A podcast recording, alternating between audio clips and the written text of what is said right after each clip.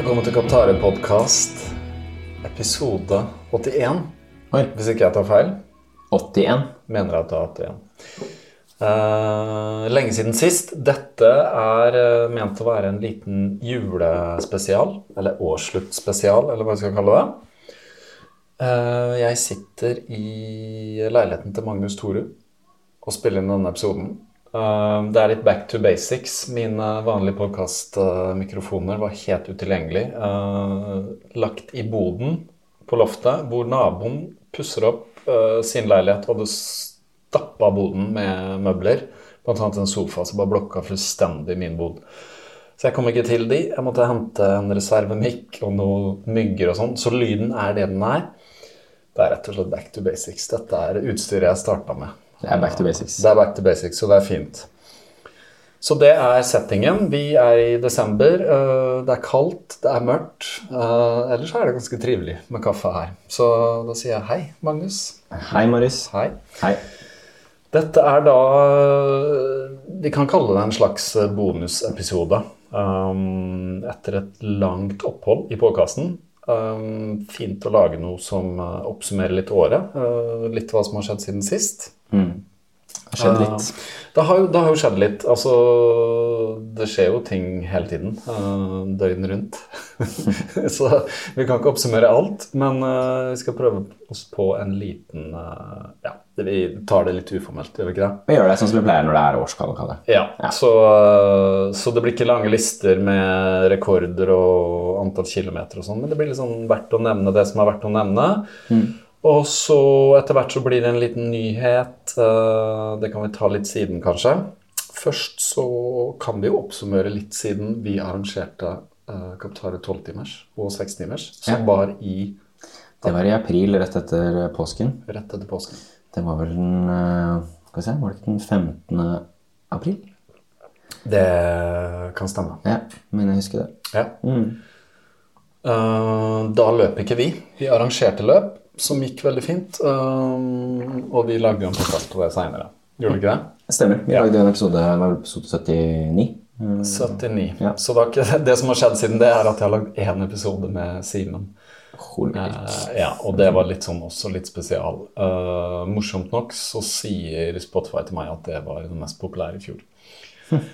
Det er kult. Så Simen er jo uh, Han har vært på andre podkaster òg. Ja, han har vært med på en annen podkast også som heter var det, Jeg tror det er en sånn løpelabbepod eller noe sånt. Lavterskel eller et eller Ja. annet. Den kjenner jeg til, men har ikke hørt på. Dere får bare unnskylde meg, alle sammen. Um, jeg har ikke hørt så mye påkast som jeg skal komme tilbake til, som jeg håpte. Men Simen er populær. Simen har gjort masse. Vi skal snakke litt om Simen. Eh, men bortsett fra det, hvordan har Hvordan skal man legge dette fram? Hvordan har liksom året vært for deg siden uh, vi lagde forrige episode? da? Noen uker etter. Ja, Vi snakka jo litt om det da også, at det hadde vært litt sånn er det da? Eh, traurig vårhalvår. Ja. Litt sånn dårlig med, med løping og skadeprega. Mye Ja, for du hadde hatt en skade Ja, jeg, fra vinteren hvor du rett og slett sklei. ja, jeg tråkka skikkelig over. Ja. Så jeg ødela foten ordentlig. Eh, så da var jeg ute i ja, noen måneder. da. Og da var jeg jo egentlig ganske sikker på at eh, NM i 24-timers eh, utgikk. Men jeg fikk liksom kasta meg rundt i siste liten da, etter vi hadde arrangert Qatare. Fikk eh, en god måned i mai med fin trening. Så det ble vel en ja, syv ukers oppkjøringsperiode da, før NM i 24 timer på Hell, rett utenfor Trondheim. Eh, og det gikk vel så der. Mm. Eh, etter forventningene i og for seg, i og med at oppkjøringen hadde vært såpass eh, dårlig. Og mm, ja, at det var jo en si, litt sånn tøff periode for min del. Da, etter, eh, altså, I og for seg også før vi arrangerte Kaptare 12-timers med mye stress på jobb og ja, i kombinasjon med sånn deltidspermisjon. da. Så jeg var vel litt sånn i utgangspunktet litt sånn på felgen, kan man si. Sånn øh, Ja, kan kalle det utbrent, da. Men jeg fikk jo allikevel en grei treningsperiode inn mot NM. For det er ikke sånn at du bare legger deg ned og tenker jeg er høyt jeg skal ikke Eh, Nei. Det er litt sånn Hva er neste Du liker jo å løpe. Du liker egentlig å konkurrere. Ja, jeg liker å konkurrere. Du gjør det. Og så er det det der med at liksom når du har Du har sett for deg liksom NM, da. Eh, og jeg heller ikke fikk Jeg Fikk jo ikke Spartatlon-plass i år. Nei. Så jeg måtte ha liksom noe. Og da ble liksom det et uh, greit mål. Eh, så jeg hadde egentlig ikke noen forventninger til meg selv der. eh, I forhold til det jeg var innom. Sånn, at jeg fikk trent lite, jeg var sliten. Burde kanskje egentlig ikke ha deltatt i det hele tatt. Men det er det der med liksom man, eh, som du sier, jeg har lyst til å konkurrere. eh, det er det å være i miljøet, da. Ikke sant? Um, så, Minne seg selv litt på at man er en løper. men så det gikk jo, gikk jo greit, det. Jeg løp vel eh, ja, rett over 200 km. Da. Ble nummer fem totalt sett i NM. Vant aldersklassen. Mm. Nå var det ikke så veldig mange med i min aldersklasse. Men Nei, men, men det er jo litt altså, Går du i hvilken som helst annen klasse i maraton eller kortere løp, så er det mange på din alder da, som vel er 35-39, er det det? Er det? eh, ja, Ja. 34-39. er det? Men ultraløp virker jo ikke som det er så mange, i hvert fall ikke på de lange 24-timersløpene. Det er ganske mange sånn ultra eh, Kanskje trail, som løper mer på sti og sånne ting, i den alderen. Eh, så det er jo Altså, vinner man den klassen, så er man Ja, det, hvis noen skal ta deg, må de stille opp, da. Ja, det er klart. Så jeg tenker jo at da er du på en måte Du er best, eh, best under 40, da, kan vi si. Ja, ja du ble veteran. eh, Ja, du er veteran nå, for alt over 35 er Ja, veteran. jeg er norgesmester i min klasse, da. Ja. Selv om det bare var to med. Men altså sånn uansett Ja, i- Du slo han andre. Ja, altså Hadde Allan Hovda vært med så, Ja. og løpt opp med sitt beste, så hadde jeg ikke vunnet den. Um, Men det er sånn visst at eh, ja. ja. Men så kan vi, vi kan jo sammenligne litt med altså Bislett. Da. Vi, da Da var det jo enda flere i den aldersklassen. Mm. Bislett uh, Bislett 24 ja, nå i november. Ja. Og den, den vant jeg jo også. Ja. Klasse. Ja. Så kan vi si at jeg er den rettmessige eh, vinneren av aldersklassen Ja. eh, i år. Så lenge ingen andre ja, nordmenn på din alder eh, stiller og slår deg, så er du, så er du det. Det er bare sånn, sånn sett er det helt teknisk. Så Ja. hvor enn fornøyd du er med 200 eller 214 eller hva det er, så Og så, så kan vi jo si at sånn over 200 km på 24 timers, Ja. det er jo innafor, kan man si. det er 200 i kilometer. mine øyne veldig, veldig bra. er jo liksom den magiske grensa. Så Ja, ja. jeg var jo i For mange er det jo 100 miles mm. som stiller opp et 24-timersløp, og bare klare det, spør du meg, er meget anstendig Ja. eh, distanse. Så ut ifra forutsetningen, da, Mm. med en så dårlig oppkjøring, skade, tull og tøys Mm. ehm, Ja, og vi hadde også hatt noe, mye fokus på Kaptara 12 timers og ikke fått trent så mye i forbindelse med at vi satte inn støtet der. Mm. Så kan vi si at 200 over 200, det er godkjent, da. Ja. Ehm, så jeg ja, var fornøyd med det. Men så ble det en sånn der, Kanskje en litt sånn uh, down-periode etter NM, da. Uh, hvor uh, sant? man er i en sånn restitusjonsfase og Det som kalles en funk. Ja, en, hva heter det? En en funk? funk. Ja, en Ja, de, funk. de sier de kan, de kan kalle det en f- Det er sånn som amerikanerne bruker på ikke en depresjon, men en liten funk. At du er litt sånn nede, liksom. En post-marathon depression. Ja. Eller en Alle kjenner jo til en post-marathon blues eller en, et postløp. Og kanskje jo lengre det er, jo mer sånn For du har jo skvisa ut reservene, så kroppen må gå i en liten sånn ja. Helt klart. Så da var jeg litt sånn Jeg tenkte det var kult å komme over 200 K. Og jeg måtte opp og nikke igjen så fort. Så jeg fikk jo Jeg fikk jo ny trener.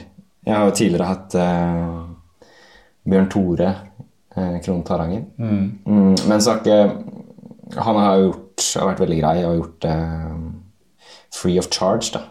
Gratis. Og så har han mye å tenke på selv, Bjørn Tore, da. Så ja, oppfølgingen har kanskje ikke vært helt der. Så jeg tenkte ok, skal vi gjøre det her ordentlig, så må vi gå til innkjøp av en som betaler litt penger for det, rett og slett. Um, og Line Kadiskaner, også Simen, da. Holvik har jo hatt stor um, suksess, jeg si, med, med Sondre Amdal. Mm. ja, suksess. Kall det suksess. ja, kan jo det. Altså, det er to av, to av Norges, Norges Ja. beste ultraløpere. Absolutt resultater. Absolutt. Um, så da tenkte jeg Og Simen også, da. Han var jo sånn Ja, da må du må få deg Sondre, da. Eh, Og Line òg, liksom. Jeg må, jeg må være på Sondre. Så jeg tenkte sånn, ja, ja, hvorfor ikke? Jeg tok, så jeg tok kontakt med, med han, da. Og han øh, hadde kapasitet da, til å ta meg inn Ja. i Arendalvarmen. Når du først snakker om han, vet du hvor mange han Coacher? ja, holder styr på? Um, nei, det vet jeg ikke. Jeg har egentlig tenkt jeg burde spurt han om det.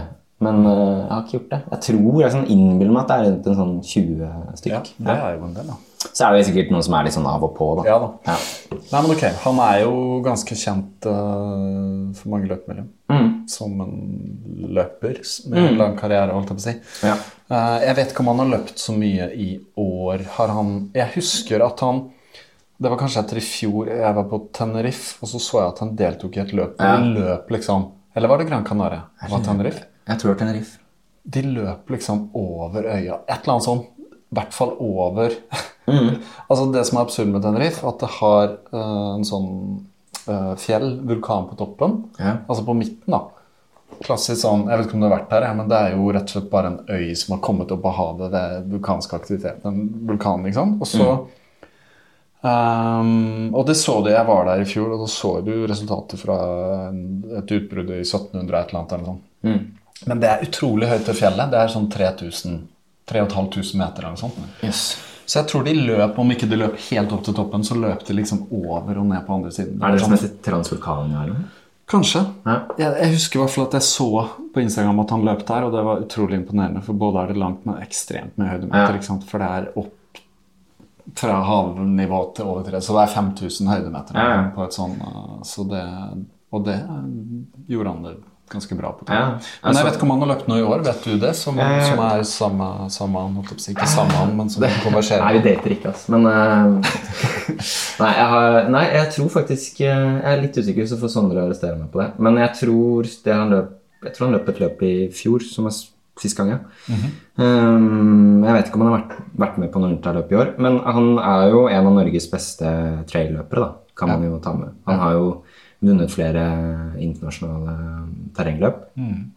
Og også eh, prestert eh, bra eh, nasjonalt, Sondre. Og så har han jo kommet litt mer inn i dette eh, bane-ultraløpsmiljøet. eh, og den derre ATB asfalt-type spartatlon. Eh, og du ser jo at han, altså hans coaching, veiledning på de løperne som, som Simen og, og Line eksempel, som driver med den, eh, det segmentet innen ultra, de presterer jo veldig bra. Så det er tydelig at Sondre har veldig god peil da, på det han driver med. Eh, Hva er, han god på, da? Altså, Å forstå liksom Ja. opptrening og forstå jeg tror han er veldig god på liksom, å, å forstå liksom, hva den enkelte løper trenger da, av trening. Han er ikke sånn som på en måte eh, plasserer alle inn i, i en eh, ramme, liksom. Eh, jeg føler at sånn som han, Sondre ser meg veldig godt og ser hva jeg har behov for. Han er veldig god på det også, på en måte jekke meg litt ned, holde meg litt igjen. Eh, jeg tror mye av grunnen til at jeg har vært eh, så sliten, eh, kanskje litt utbrent, er fordi at jeg har vært overtrent. Jeg har trent for mye og hatt for store blokker med trening uten egentlig å vite helt hva jeg gjør. Eh, Sondre har justert mye på det. da. Så jeg, jeg føler jeg, jeg trener litt mindre, men jeg har blitt bedre med hans veiledning. Og så er han veldig god på liksom å bare Ja, en, en sparringspartner sånn generelt på liksom livet. Eh, Du kan ta opp hva som helst med Sondre, så har han gjerne noen eh, gode svar. Så han er en veldig sånn Han er en fornuftig fyr. En veldig bra mann. Så jeg er veldig glad for at eh, jeg tok kontakt med Sondre Anda. Da. Ja. Før du forteller litt mer om det, så skal jeg, um, siden dette er litt sånn geriljastyle uh, Bare fortelle at vi, vi har et kamera gående uh, som filmer oss, så jeg håper jo å legge det her ut på um, YouTuben. Uh, YouTuben, akkurat som jeg har en YouTube. Jeg er en YouTuber. Uh, nei, men uh, Er ikke du vlogger? uh, En vlogger, sa du? Jeg er vlogger. Ja, en vlogger. Videoblogger. Jeg har ikke vlogga så mye.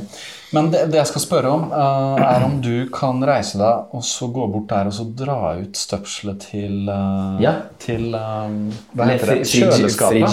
For, for det hører jeg i monitor her. Og så mens du gjør det, så kan jeg fortelle om at her ser vi et bilde av Magnus uh, seirende foran Felipides i Sparta, holdt jeg på å si. Stemmer det? Så Så kan du helle kaffe. Må ha kaffe. Eh, det er det for dere som ser, da. Eh, så er dette bakgrunnsbildet. Så det liksom lite provisorisk studio her. Ja, Og det er et morsomt bilde, da. Fordi det skjer jo veldig mye i bildet, liksom. Det skjer ganske mye. Det er en del mennesker med masker og sånn. Ja, med, med munnbind. med munnbind, mener jeg. Så det er liksom i pandemiens tid. Ja, det er det. Og så har det selvfølgelig 21. 2021. 2021. Ja. Så har det selvfølgelig eh, Holvik, da. Simen sjøl. ja. Han er nederst i venstre hjørne. Han er nederst i venstre hjørne. Blå, blå T-skjorte, blå caps. Og ute og filmer. Og filmer deg. Sånn som han pleier å gjøre. Det er han god på. Han er, han er, god. Han er vlogger. Han er vlogger. Han altså, er han, er, god. han, er, han har liksom løpt Spartatlon, Ja. men han er ute og vlogger. Ja. Så han, er, eh, han var i mål litt før deg, og så er han uh, ute og går igjen. Ja. Men det er, det er for bakgrunnen her, og så har de lagt til en liten sånn en logo og sånn. Så, så dette har du fått uh, festa på kappa det på aluminium. Nei, jeg bestilte, det. Eller jeg fikk det til jul Ja. faktisk i fjor. Ja, Så dette er faktisk Det er egobildet. Det er, det, det, det er egoet som, som vises fram. Altså Ja, det er Magnus Torus sitt ego. Virkelig ego. Ja, Helt så klart. det Ja, men det er bra, det. Så, så det var en liten uh, detour. Uh, nå blir det jo litt sånn lyder og knekk og knakk her, og så bare for kontekst også, så er det faktisk en hund her. Ja, her det er det en hund. Så, men den hviler seg. Men hvis det skulle skje, så Så det, det, det var Sondre. Um, NM. NM, ja. Vi kan jo ta det litt kronologisk. da. Hvem vant NM? Eh, Det var eh, selvfølgelig Bjørn Tore Krohn Taranger. Ja, Han løp er eh, eh, kongen på 24 timer. Han gjør det. Han, Han løp en, et klassisk Bernt Tore-løp Ja. eh, i varmen. Det ble jo 30 varmegrader, da, så det var tøffe forhold. Ja. Løp 250 km, vant herreklassen der Mm. eh, foran eh, Stig Rasmussen. Stig Rasmussen. Også fra samme løpeklubb da, som Bernt Tore. Mm. Tok mm. foran Han løp vel 219 km, eller rett under 218,5 ble det vel, Ja. på stig. Og så kom Lasse Gerhardsen på en tredjeplass, tok bronsen. 211 km pluss. Mm. Eh, I kvinneklassen så hadde vi vel eh, Anette I 30 plussgrader, faktisk. i 30 plussgrader. Det var skikkelig Sparta Trondtemp altså, Det er i, i hell. å tenke på. Det har utrolig mye å si. Ja, ja. I forhold til, altså, jeg tenker på, jeg vet at uh, Bjørn Tore Han har jo vært ute etter en uh, distanserekord der. Har mm. det? Mm. Jo, han- Så det var litt synd at det ikke var forholdene akkurat der. Da. Mm. Men ok, sånn er det jo. Imponerende uh, uansett, og imponerende av Stig. Jeg husker jeg fulgte med der og var sånn Jøss.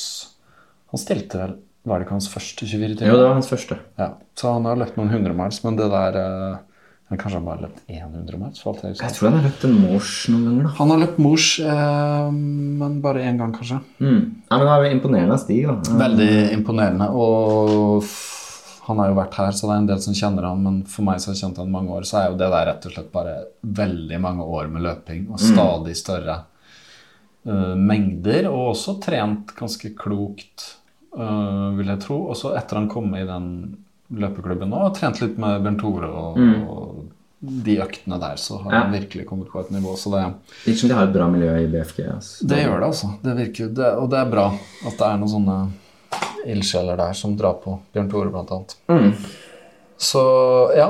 Så kan vi også ta med bare sånn, I og med at vi er innom topp tre herrer under NM, så kan vi jo ta med kvinneklassen. ja, hvis du husker det, så er Nei, jeg vet at det var um, Anette Welde Sande som vant kvinneklassen. Eh, hun løp vel uh, ja, var vel rundt 230 km pluss, så vidt jeg husker. Og så kom jo Ida Slorafoss eh, på andreplass, tok sølvet. Løp også inn landslagskravet. Hun løp 226 km. Kvalifiserte seg til VM.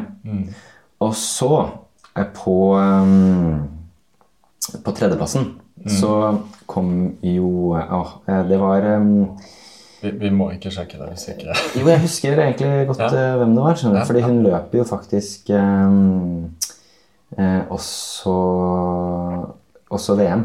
Ja. Eh, hun, hun ble tatt ut, for egentlig så skulle jo Ranveig Hansen eh, Ranveig Hansen løpe VM, men hun eh, ble jo skadet. Mm. Så um, ble denne andre åh, åh, Det er dårlig at man ikke husker, altså. Eh, Altså, Jeg er imponert over at du husker i det hele tatt. Jeg husker at nettet veldig samme eh, 2.30. Utrolig bra. Else heter hun. Else. Ja, Else ja. Orvik var det som kvalifiserte Eller hun ble tatt ut på B-krav. Men hun tok også tredjeplassen da i NM for kvinner. Hun løp 204 km. Så dette er, eh, de løperne er de som klarte kravet til å være med i VM, som var nylig. Ja, eh, det er det. Men selv om eh, så Else kom jo på B-krav, da, i og med at kravet for kvinner er 224 km. Så, men siden Randveig var skadet, eller ikke skadet, men syk, så ble Else tatt ut sånn at de kunne løpe som lag under VM, for det er også en lagkonkurranse i mesterskapet eh, på 24 timer. Så, Og der hadde Norge egentlig veldig sterkt lag i år, men vi kan jo komme innom det. Vi kan komme innom det. Um, jeg vet ikke hva vi Vi kan jo komme innom det når som helst, men uh, vi skal oppsummere litt løpeåret videre. Hva er viktig å trekke fram, da? Sånn, fra du, for du har den hjernen som har, har den informasjonen. Ja. Jeg er ikke så Jeg følger ikke så godt med eh, som deg. Uh, men vi snakka jo litt om på forhånd hvem er det som er liksom verdt å snakke litt om. Ja, ja, det er jo noen spennende Det har skjedd mye i år. Ja, Men jeg tenker vi kan jo bare oppsummere litt sånn som vi var inne på min sesong, og så snakke litt om, om deg. Om meg? Og, ja, om din, hva som skjer med deg. Og, Det, på løping, ja. Ja. Det kan vi godt gjøre. For der skjer det absolutt ingenting. og det er litt sånn må ta det liksom i litt sånn kontekst av identitet, da. For nå har jeg lagd podkast i mange år, og det har jo blitt en løpepodkast. Ja. Det har jo sagt mange ganger at det var ikke meningen at det skulle bli det, men det var liksom det som var eh, en slags drivkraft der når jeg starta podkast. Så hele denne podkasten her er jo en historie om på en måte min interesse for løping eh, og utforske på en måte det universet, da. Eh, og det er jeg utrolig glad for at jeg har gjort, for jeg har lært utrolig mye. Eh, og så har eh, det kommet et punkt hvor jeg bare, også litt sånn som deg, du snakker om utbrent, og det skyldes mange ting, hvor jeg bare har kommet til sånn Nei, nå må jeg bare ta det helt med ro eh, etter å ha vært syk i år. Og så har jeg på en måte ikke kommet inn i den der igjen hvor det er en sånn voldsom drivkraft, sånn som du liksom beskriver det, at du har lyst til å konkurrere, du har lyst på prestasjoner, du følger liksom et opplegg, du har noen rundt deg, og du har på en måte litt sånn Du står litt til ansvar for ting hele tiden, da. Mens meg har liksom bare, bare sluppet mer og mer tak i podkasten og på en måte eh, Hva skal jeg si Jeg har nok rekontekstualisert litt livet mitt, da. Eh, satt det sammen litt på nytt og vært litt sånn uh, Hva er det egentlig jeg vil gjøre og sånn? Så jeg har gjort litt endringer på saker og ting. Um, og da måtte podkasten bare ja, Hva skal jeg si lide litt for det. Det måtte bare ligge litt, fordi det ble så mye annet som jeg måtte holde på med. Og så er det jo litt som Ibsen sier, at det du gjør, gjør fullt og helt, og ikke stykkevis og delt. For at det er noe i det at uh, og det kjenner jeg igjen som et mønster i meg selv. Og hvis jeg holder på med mye ting som er litt sånn, hvor jeg liksom sprer energien i mange retninger, så blir liksom aldri hver ting så bra som jeg egentlig skulle ønske at det var. Nei. Eh, og sånn er det å ha litt sånn ADHD-tendenser og sånn. At det er mye man har lyst til. og det, så entusiasmen eh, Det står liksom ikke på den, men det er liksom å, å gjennomføre ting, da. Ja. Men i hvert fall så øh, kom jeg til et punkt i høst hvor jeg bare Det er litt sånn rart, for at man er ikke helt bevisst på det. Jeg bare slutta å løpe. Jeg husker den siste dagen jeg løp, på 25. august. Og det var min fars bursdag. Det er derfor jeg husker det. Ja. Eh, og det har ikke noe med det å gjøre, for så vidt. Og siden det så har jeg ikke løpt en eneste tur, Magnus. Ingen? Ingen turer. Og det er sånn Og så på en måte bare aksepterer jeg det at uh, greit, da skjer ikke det. Uh, og så tenker jeg jo at en dag så begynner jeg å løpe igjen, og så starter jeg litt på nytt. Men så skjønner jeg jo det at jo lenger jeg venter, jo verre blir det. For at én ting man merker etter å ha vært i veldig god form i mange år, selv om formen har svinket litt, er jo at kondisen plutselig er ikke bare dårlig, men elendig. Ja. Ikke sånn? Ja. Sånn at når du går opp bakker og sånn, så begynner du å puste eh, sånn som du vanligvis gjorde når du løp før. Um, Tenk på det. tenk på det, ikke sant? Og så vet jeg jo det at ja da, det, det kan fort komme tilbake igjen og sånn. Så jeg har på en måte akseptert det. Um, og så har jeg tenkt litt Jeg vil begynne å løpe før uh, vi skal spille den podkasten her igjen. Og så kommer kulda, og så bla, og så bla, bla, bla, bla. bla. så bare lager man så masse unnskyldninger nå for kan man ikke, ikke løper. ja, ikke? Og nå kan du ikke sykle heller. Nå kan du ikke sykle heller, så det har jo vært utrolig lite trening. da.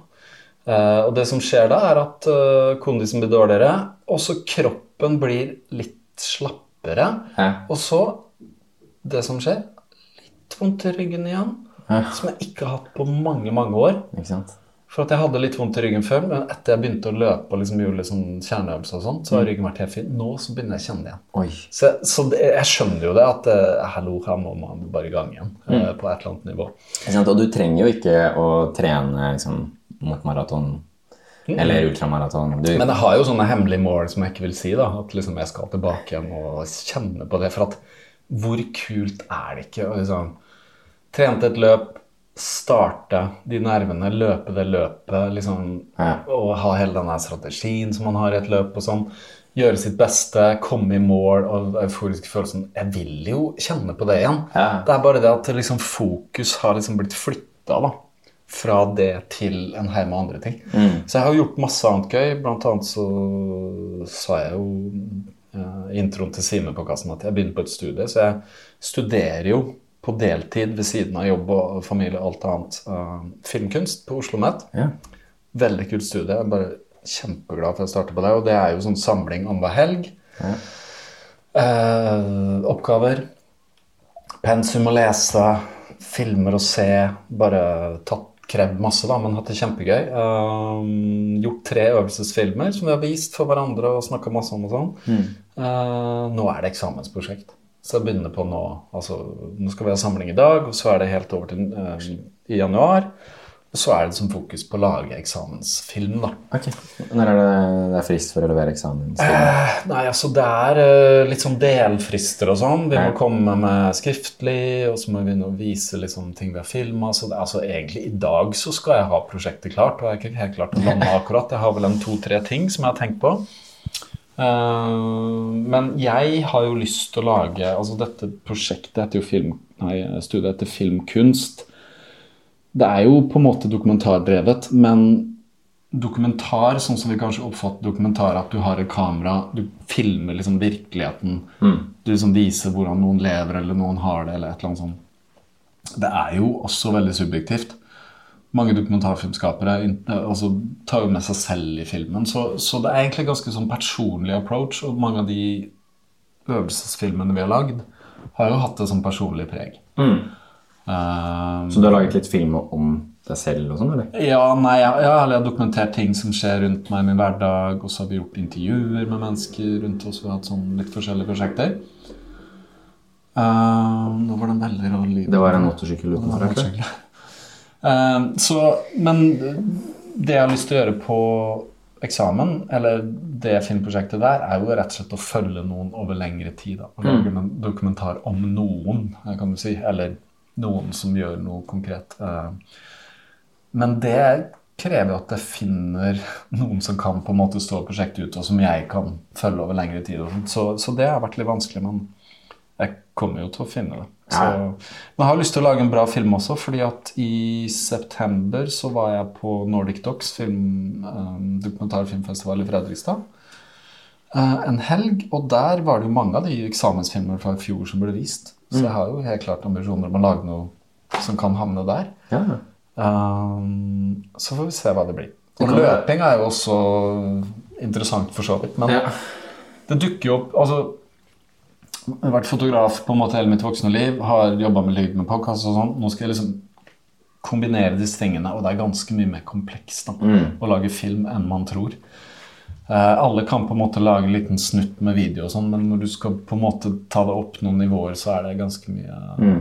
du må tenke på. Og lyd er en av de, så jeg er glad jeg kan lyd Men lyd er viktigere enn man tror. Så det, det er derfor du heter eh, på Instagram for Nå heter du jo Kaptare Project, stemmer ikke? Jo, jeg bytta til Project Kaptare Project. Jeg var kanskje litt snar på det. Men det var, det var litt ideen at jeg ville utvide litt uh, den Instagram Og så har jeg ikke vært flink å poste på Instagram.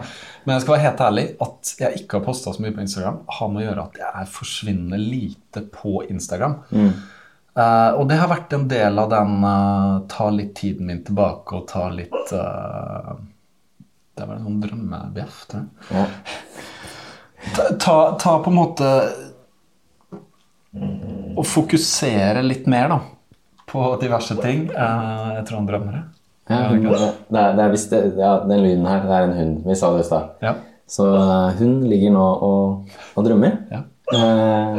Det høres ut som det er en skummel drøm. Så disse lydene her er ikke Marius eller meg. Altså. Men det hadde vi sagt fra at det var en humor. Ja. Så jeg har ikke posta så mye. Um, jeg har to, to Instagrammer. Den ene er på en måte den som var for bakkassen. Den andre er en personlig hvor jeg poster veldig lite, men jeg følger noen nære folk. da, Deg og noen andre. Så, på, Simen. på Kaptare Project så følger jeg liksom 1000 stykk. På. Og da, vet, da blir det liksom random også. Og, sånn, og på den andre så følger jeg 30 eller noe sånt. Så det er liksom veldig Det er litt greier. Deilig. Da kan du være ferdig med feeden på veldig kort tid. Men, men en, ting som, en ting er jo at du har endra litt på den Kaptare-podkast-instaen. Mm Og Den heter Kaptare Project. Men det er jo noe annet som har skjedd òg, sånn i forhold til deg. Det er det. Fordi nå heter du ikke Marius Hauge lenger. er du? Nei, det er korrekt. Hva er det du heter nå? Nå heter jeg faktisk Marius Kaptare. da må man jo le. Ja, det er Ja, så det er, eh, det er jeg, jeg, jeg har jo fortalt det til nærmeste, men jeg bytta rett og slett navn. Jeg søkte skatteetaten eller myndighetene om å bytte navn. Eh, og de godkjente det, så nå heter jeg Kaptare til etternavn. Så nå fleiper jeg litt med folk og sier at veldig mange gir jo en podkast navnet til seg selv, mens jeg har tatt navnet etter podkasten. Så nå eier jeg fullt og helt eh, det navnet og er eh, in inkorporert det. Så jeg heter Marius Kaptare. Um, og det er jo morsomt når man forteller det til, til andre, da. ja. Um, Men det som er morsomt, er jo at jeg, jeg har jo før når jeg liksom omtalt deg, så har jeg ikke sagt eh, Eller jeg, jeg, hvis jeg snakker med andre om Ja, deg, så sier ja. jeg at eh, Kaptare Marius, eller Marius du vet Marius Kaptare eh, fra Kaptare Podcast. Eh, for da plukker liksom folk opp deg veldig raskt. Kontra den der ja, Marius Hauge. Så, ja, du vet han Kaptare Marius. Ah, ja, han, ja, ja. Og det er jo folk som har møtt meg, som aldri har uh, møtt meg før, som sier sånn ah, Kaptare. Eller Mr. Kaptare. Ja, det og, så, så, og, det, og det er litt sånn altså, Jeg vet at jeg har mye rare ideer og mye fikse ting for meg. Det har jeg alltid hatt. Så for meg var det ikke et stort Jeg kan bruke ordet offer, da. Og liksom gi slipp på et familienavn. For meg så var det sånn eh, Ikke lev med min far, ikke lev med min mor, så de hadde ingenting de skulle ha sagt. Hvem er det liksom Ja, ok, mine barn har Hauges etternavn. Min samboer, kone, gift, eh, har jo ikke det. Nei. Eh, jeg snakka med de på forhånd, og de var sånn De er liksom lakmustesten. da. Hvis det er greit for de, så er det greit. Hvis de sier 'pappa' eller noe det der er helt for dumt, liksom, så tenker jeg meg om to ganger. Ja. Men, eh, men det var rart der, for jeg satt faktisk på bursdagen min. så hadde jeg bare kjøpt meg en bolle og en kaffe på Godt brød. Eller Godt brød er sånn Hei, du har bursdag i dag. Kom og få en gratis bolle. Så jeg var bortom der. Så satt jeg ute, og leste jeg, og så, bare, så hadde jeg tenkt på det ganske lenge. Men jeg tenkte på om jeg skulle ta etternavnet Capto, som er liksom eh, selve verbet på latin. da, For det betyr jo Capto betyr å løpe etter, å jage, å strekke seg etter, å søke etter. Og det på en måte sier jo veldig mye om hvordan jeg er som person, egentlig. For jeg er jo hele tiden på en måte utforsker ting, forsker på ting. Ja. Og så bare fant jeg ut Nei, det er ikke Capto, det er faktisk Kaptare. Så, så da gikk jeg hjem, så bare hamra jeg ned en søknad. Helt intuitivt så tenkte jeg sånn jeg Godkjenner de det, så er det flott. Og hvis ikke, så gjør det jo ingenting. Så, og det gjorde de. Så sånn praktisk så er det jo mye som må endres. Nå måtte jeg få meg nytt pass, jeg måtte endre Ja, så alltid sånn offentlig skifter jo navn og banken og sånn. Men det er jo e-poster ikke sant? Det er masse, masse. Så det tar tid, da. Ja. Og det som er rart, er jo å ringe folk og introdusere seg med nytt navn. Da. For at etter liksom 40 eh, ja, 48 år da, med ett navn, så, så tar det jo litt tid. Ja, for du, du er 48 nå, ja? Ja, så sist jeg sjekka, født i 1975, da, og nå er vi 2023, så jeg ble 48 år. Og det er jo litt sånn Ja, det er, det er smått surrealistisk. Det er det. Marius Kaptare blir snart 50. Ja, I 2025 så fyller jeg 50 år. Uh, og jeg trodde jo liksom at 40 var en krise, men bare vent til 50. Ja, du virker mye yngre, da. ja da, jeg, På mange måter så er jeg yngre, Uh, og det, det er skjønt at alder Ok. eh, vi kan snakke om liksom å være moden eh, og ha en kropp som er 48 eller noe sånt. Men hvilket modenhetsnivå man er på, det har ikke noe med alder å gjøre. Det kan jeg si med en gang. Etter å ha levd såpass lenge, så er det mennesker som er 24 som er godt modne, mens det er mennesker som er 60 som oppfører seg som barn. Så, så akkurat det der er sånn. Men det, det er jo veldig synlig. Altså fysisk så merker man det jo. Det er det jeg sier. Stiv rygg, liksom. Ja. Hvis ikke jeg driver med tøy og bøy og løping og styrkeøvelser, så, så stivner man. Ja. Ja, Det er bare en del av gamet. Det er derfor du må tilbake. Det er derfor jeg må tilbake. Um, så, og, men så må det være litt gleden og sånn òg. Og overskuddet. Det er, um, rett og slett. Men det, det kommer, altså. Mm. Så det var eh, Ja, sånn, bare være ærlig da, på at jeg ikke har løpt. Og at de fleste som hører på denne podkasten, er løpere. Men jeg tror alle i løpet av et år eller i perioder har opplevd at man ikke løper så mye. At det er liksom ja, man er i en eh, Kall en funk sånn sett. Men utenom det så er jeg veldig Jeg er faktisk eh, jeg er veldig sånn happy med ting. Det er bra. Det virker Så som jeg er det er kult med studier og Veldig kult med studier og har fått meg kontor og sitter over en fotograf jeg kjenner, deler med en annen fyr som er filmskaper og Så det er kult. Mm. Ja.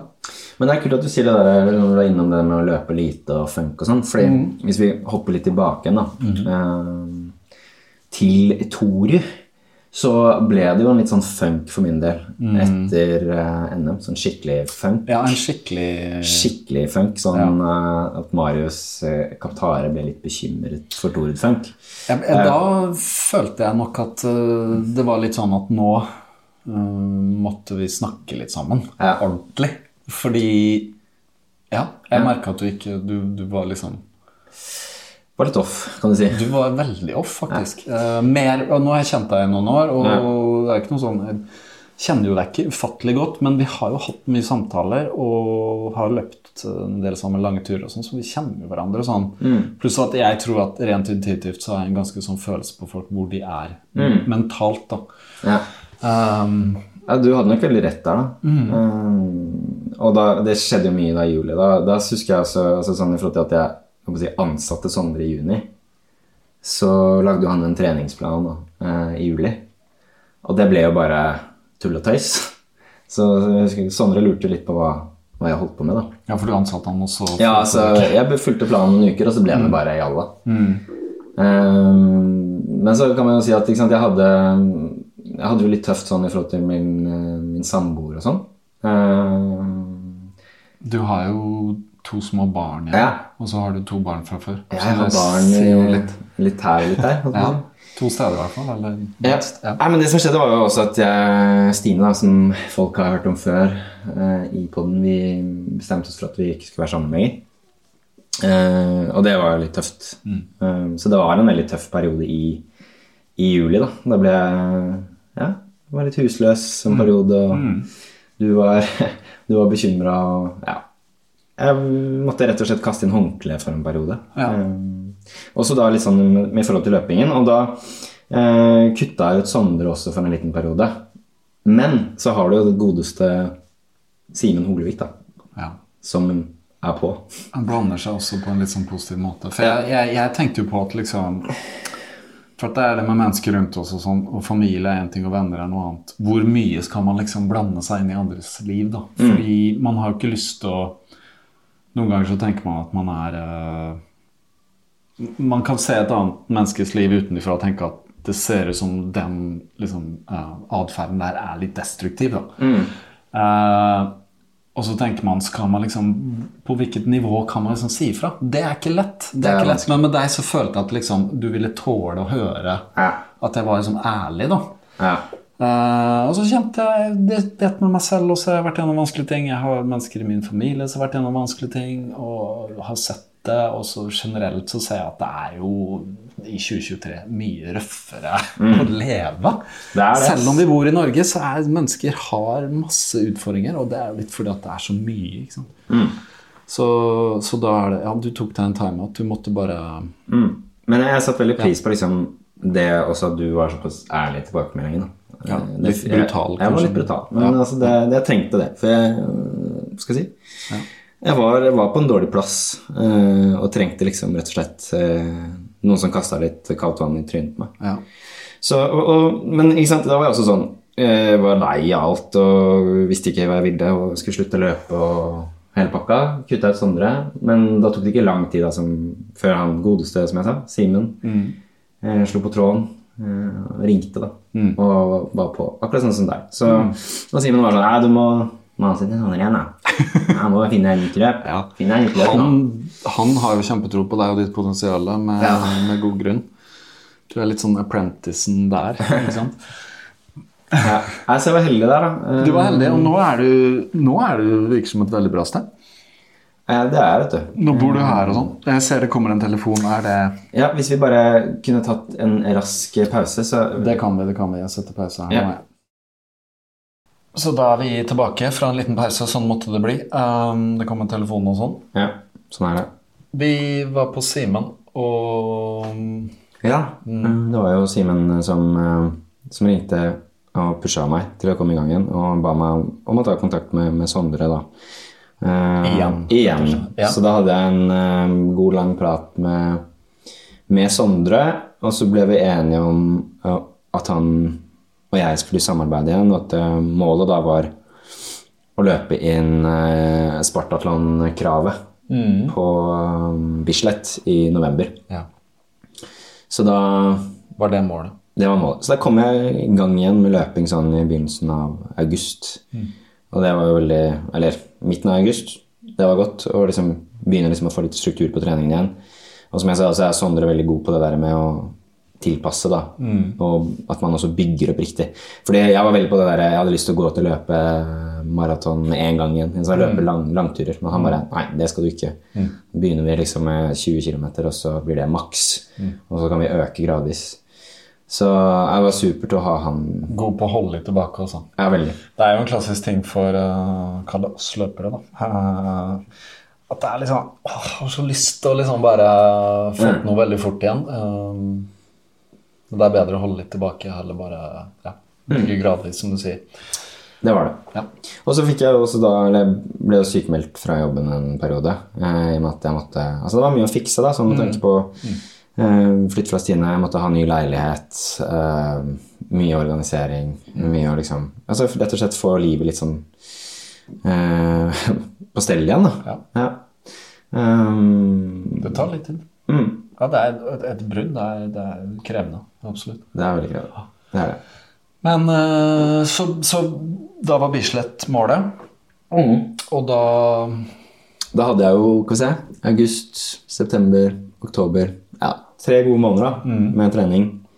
Sondre um, bygget opp uh, gradvis. Økte gradvis.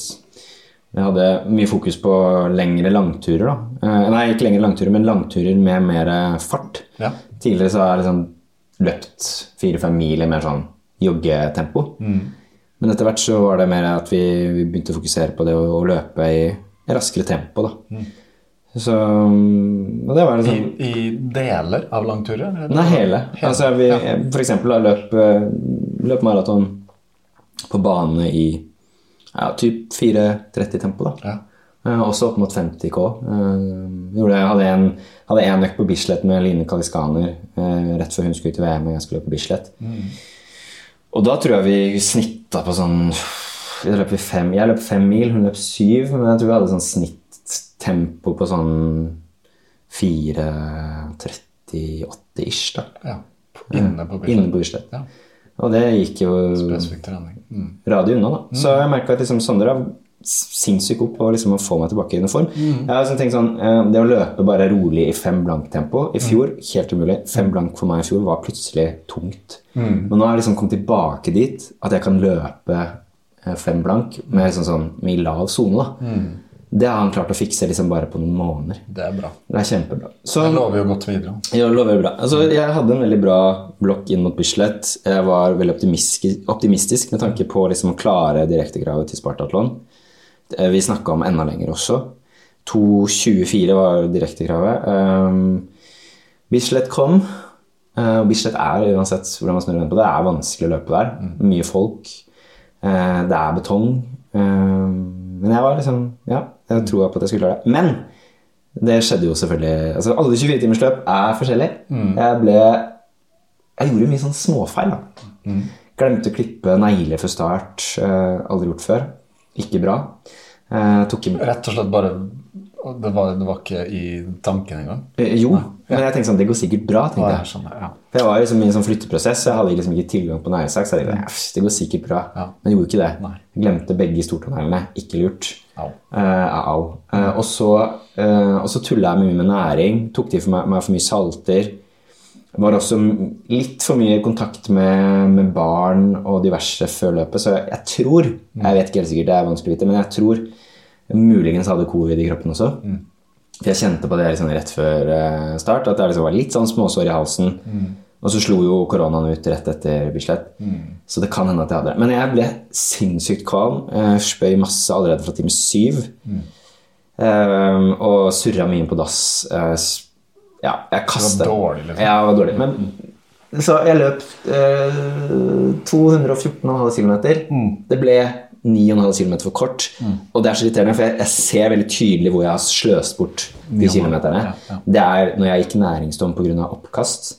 Jeg var helt eh, død eh, og hadde sinnssykt lyst til å bryte. Og det hadde ikke vært for eh, Harald og Cecilie, da, som var min support, Mm. eh, Harald Bjerke, eh, så hadde så hadde det ikke gått. De fikk i meg noe sånn smoothie og fikk dytta meg på banen igjen. Altså, jeg, jeg, var, jeg var helt borte altså, sånn etter jeg hadde løpt 100 miles. Jeg holdt nesten på å besvime, for jeg var så tom. Det er vilt. Ja, det var helt vilt. Um, og vondt i stortåneglen og kvalm og alt. Ja. Men de bare Kom igjen, ut på banen. Og, så det gikk, da. Jeg kom i gang med løping igjen. Så det, altså Hvis det er noe som jeg er fornøyd med, da, som jeg kan ta med fra det løpet, er at liksom jeg, jeg klarte liksom å komme i gang. Og det som også var veldig bra, det viktigste her, er at bena mine var veldig gode hele løpet. Så det sto ikke på liksom det muskulære, det sto liksom på det Du var næringsmessige godt, du var godt trent. godt trent. Så hvis jeg ikke hadde slitt med å kvalme og tull med næring, Mm. og hadde vært normal, sånn som jeg var på eksempel, ja, under NM, da, Mm. da hadde jeg ganske stabil, var stabil på næring. Da var det mer det muskulære og du vondt i beina. Mm. Så hadde dette gått. ass. Jeg er helt sikker. Så derfor så skal jeg reise til, eh, sammen med mest sannsynlig da, Jeanette Vika og um, Jon. Um, også terrengløper, ultraløper. Vi, eh, mange kjenner til han. Eh, Jon Frisli Jare, tror jeg han heter. heter han. Eh, vi reiser da til Espo i slutten av februar, og da rekker jeg akkurat å løpe et løp til til Spartatlon Akun. For jeg er veldig keen på å ta den direkte, løpe 2.24 i Finland. Sånn at jeg kan delta på Spartatlon i 2024, 2025 og 2026. For da teller jo det løpet faktisk fram til 2026. Kult. Så det er en god mulighet. Ja. Er det det løpet som en gang uh, Simen løp? ja, han løp den i år. Ja. Han har vært med der to ganger. Mm. Da hadde han problemer med noe. Ja, han var forkjøla. Forkjøla, ja. Og så er det også en tøff baneløp. Jeg har hørt at det er litt dårlig luft der, og at det også er hardt underlag. Men jeg har veldig troa. Det er bredere. Men da har du litt sånn inside information da, fra Ja. Simen, Ja. så du vet litt hva du kommer til. Ja, og så vet jeg om flere. Eyolf har jo løpt der. Ja. Eh, Einsen. Og eh, hun Mari Maulan har løpt der. Jeg snakka litt med henne. Ninette eh, Banon har også løpt der. Så jeg, jeg snakka mye med de, og det er litt forskjellige tilbakemeldinger. Eh, men jeg ser at det også går an å løpe langt der. Det er flatt, i hvert fall. Ja. Det er bredere. Det er litt kortere bane enn på Bislett.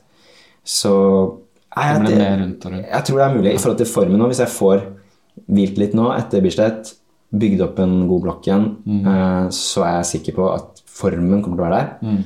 Treffer vi på næring, da løper jeg 224 i hvert fall. Ja. 230 kanskje. Ja, for hva tror du Altså, du snakka jo sikkert med Sondre. med Sondre før du Mm. løp. Hva, hadde du et mål? Ja, jeg hadde noen mål. Um, og Sondre mener at jeg, synes at jeg er god nok for 240. da. Ja. Så A-målet på Bislett var 240. Um, og da tenkte jeg i hvert fall at jeg skulle klare B på 224. Men så, jeg, og jeg lå greit an til liksom time 13. Um, jeg, da sleit jeg såpass med næring at det næringsbalansen kvalme alt greiene der, det bare røyk. Og det, da gikk tempoet ned, liksom. Så det ble Jeg, jeg titta litt på Jeg fulgte litt med underveis. Uh, eller mot Ja, på kvelden der. Jeg så at du begynte med veldig høy fart. Så du Ja, ja, jeg jeg var litt sånn Oi. ja. Det så ut som det gikk litt Altså, det var liksom under fem Ja, jeg løp i sånn fire jeg Men jeg, vi fant liksom en sånn fint arbeidstempo. Ja, ja. Så jeg så liksom ikke poeng i liksom å justere ned. Ja, Eh, Men jeg burde kanskje gjort det. Jeg skal ta en oppsummering med Sondre nå til uken. Men jeg, jeg gikk ut i 4.45, tror jeg. Ja. Og det er jo fort. Jeg tenkte egentlig Vi hadde jo som planen var å legge seg på maks 5.15. Så jeg løper jo 30 sekunder for raskt på runden, så det Mm. Ja. kan jo også ha gitt litt utslag. Men i og med at bena var såpass gode, så tror jeg ikke det. Jeg Nei. tror det bare handlet om næring. Ja. Men jeg skal ta med Sondre, så får han gi meg litt sånn Men eh, det virker jo som du er et bra sted sånn treningsmessig. Så om det stemmer det du sa med at du hadde det der koronaviruset i kroppen, og det tror jeg fordi du ble sjuk etterpå, jeg har vært sjuk, kids har vært sjuk, alle kjenner har vært sjuk. Masse avtaler jeg har hatt, er blitt utsatt, bla, bla, bla. Mm. På studiet det var halve, halve var sjuke ute på samlinger og sånn. Eh, Det har jo gått en ny runde. Ja, ja. Covid er jo ikke borte. Nei, nei. Viruset er ikke borte, sykdommen er ikke borte. Det er bare at alle får det litt mildere. Men for meg var det sånn en slags sånn influensagreie. Mm. Eh, Men heldigvis jeg ble ikke noe sånn ble ikke noe sånn veldig syk, men jeg var slått ut noen dager litt sånn med vondt i kroppen. Og Mm. så ble jeg sånn snufsa etterpå og sånn. Men uh, det jeg gjorde, som jeg har lest litt etter at jeg var syk sist Jeg tok uh, C-vitamin, uh, 1000 mg. Ester C-vitamin, som er visst bra kvalitet. Hver tredje time, altså. Så jeg tok 4000 milligram, eller 4 gram på dagen. Og så tok jeg også sink flytende hver tredje time. Så jeg bare kjørte på med det i dagevis. Og det funka? Det funka. Altså, jeg, sykdomsforløpet ble relativt kort. Um, og det er det jeg har lest, at det er uh, veldig bra for immunforsvaret. For at når du er under virusangrep, så er det, det er kjempe, altså, kjempekrig inni kroppen. Ja, ja. Eh, så C-vitamin, eh, det vet vi jo funker. Eh, men C-vitamin er vannløselig, så det går liksom fort ut av kroppen igjen. Så du må bare få på jevnlig. Og det kan jeg si med en gang, C-vitamin er ikke farlig å ta for mye. Hvis du tar for høy dose C-vitamin, så får du rett og slett bare diaré. Altså mage, liksom. Det er ikke noe stress. Det er ikke noe Så jeg, et, et fire gram på en dag uh, gikk fint. Og sink er også på en måte ufarlig. Uh, også honning. Rå honning. Bare Hver gang jeg tok sink, så tok jeg også en skje med honning. Det er også Ja, for bra. honning inneholder, og inneholder noen sånne Det er mye sånn antivirale antivirus eh, Ja, og så er det er næring i honning. Det er, ikke, det er, det er sukker, men fra planter. da Så det har næringsstoffer og eh, mikro mikro. Så ja, og så drikk vann eh, med sitron i. Store mengder. Hydrer som bare fy. mm. Det er lurt. Også, Ja, det er veldig lurt. Og så spiste jeg helt normalt. Sånn. Så, så for meg som var så dårlig etter covid i januar, så var jo dette veldig bra. Mm. Ja. Ja, fordi long covid er det ingen som er keen på. Og det, man ser Nei. jo det er flere um, i ultraløpsmiljøet, også også ellers, da, Ja. eh, som sliter med, ja. long covid. Ja. Um, jeg har jo sagt på baksiden, jeg har en teori på det at det er andre virus. eh, som, mm. for at jeg hadde Det høres jo litt brutalt ut, men eh, jeg hadde sånn herpesvirusangrep eh, som var for jævlig både i fjor og deler av året. Sånn, ja, munns, munnsår, munnsår, ja. men det er herpesvirus, da. Uh, og det er jo på en måte bare overflaten. Altså saken er at Det viruset er i kroppen, og når du får et sår, så betyr det at det er veldig veldig aktivt. Mm. Så da er kroppen skikkelig under belastning fra det fra før. Så hvis du har fått covid i tillegg, så er det rett og slett. ja. Så er det også et annet virus som heter Epstein-Barr, um, som er skyld i en god del ting. Stemmer det? Er ikke, sånn, er ikke det en, det er ikke kyssesyke? Jo, det er det som utløser kyssesyken. Så det, det som kalles kyssesyken, er første, og som mange får når de er unge, er ja. første fase av Epstein-Barr. Så det som skjer, er at etter at du har hatt kyssesyken, og kroppen slår ned det viruset, så går det i en slags dvale. Og så kan det komme seinere igjen tilbake. Ja. Uh, så du lever med det viruset. Uh, og det er når kroppen er redusert, så virus er sånn Da ser de sitt snitt og lager inflammasjon og invaderer celler og sånt. Så i dag så har vi veldig mye forskjellig å slite med som, som mennesker, fordi virus og sånne ting er kommet ganske langt i sin utvikling. Da. Eh, og det, er også med, det henger sammen med også andre ting, at det er veldig mye forurensning. Og ja, kroppene våre jobber med ganske mye, uh, faktisk. Ja. Ja, jeg satte meg litt inn i det, og jeg har skjønt at leveren er Den er jævlig viktig, for det er den som på en måte renser blod og holder på. Så eh, derfor er alkohol eh, dessverre utrolig dårlig for helsa, fordi du belaster leveren på en måte veldig unødvendig. da. Ja? Og vi som er løpere, vet jo det at drikking det fucker deg fullstendig opp. Altså ikke drikkingen, men på en måte hva det gjør med formen og sånn. Ja, ikke sant? Så- sånn for restitusjon og Du sa Ja, ja, disse pulsklokkene slår jo utslag på sånn Skikkelig. Nå er det på en måte vitenskapelig bevist da, um, at det er uh, negativt. Ja. Så, men jeg, har ikke, jeg er ikke holdt på å si helt avholds, men jeg drikker uh, ikke mye når jeg først drikker. Det er sånn Jeg må begrense det, for jeg merker at det går utover søvn og alt mulig. Så, så sånn er det. Det er bare en del av livet. Det er det. Men apropos sånn eh, for at å drikke mindre og sånn og så, eh, Simen altså, han var jo litt sånn som likte å drikke øl på langturer og Ja. tok det litt sånn Og etterpå før. og sånn. Ja. Ja, og etterpå. Men han har også kutta ut mye av det eh, med sin satsing. Og du ser jo helt klart at det har gitt mye resultat. da. Nå har jo han uh, kutta ut ja, Han har hatt fri fra jobben i hele år for å fokusere på, på løpinga. Mm. Mm.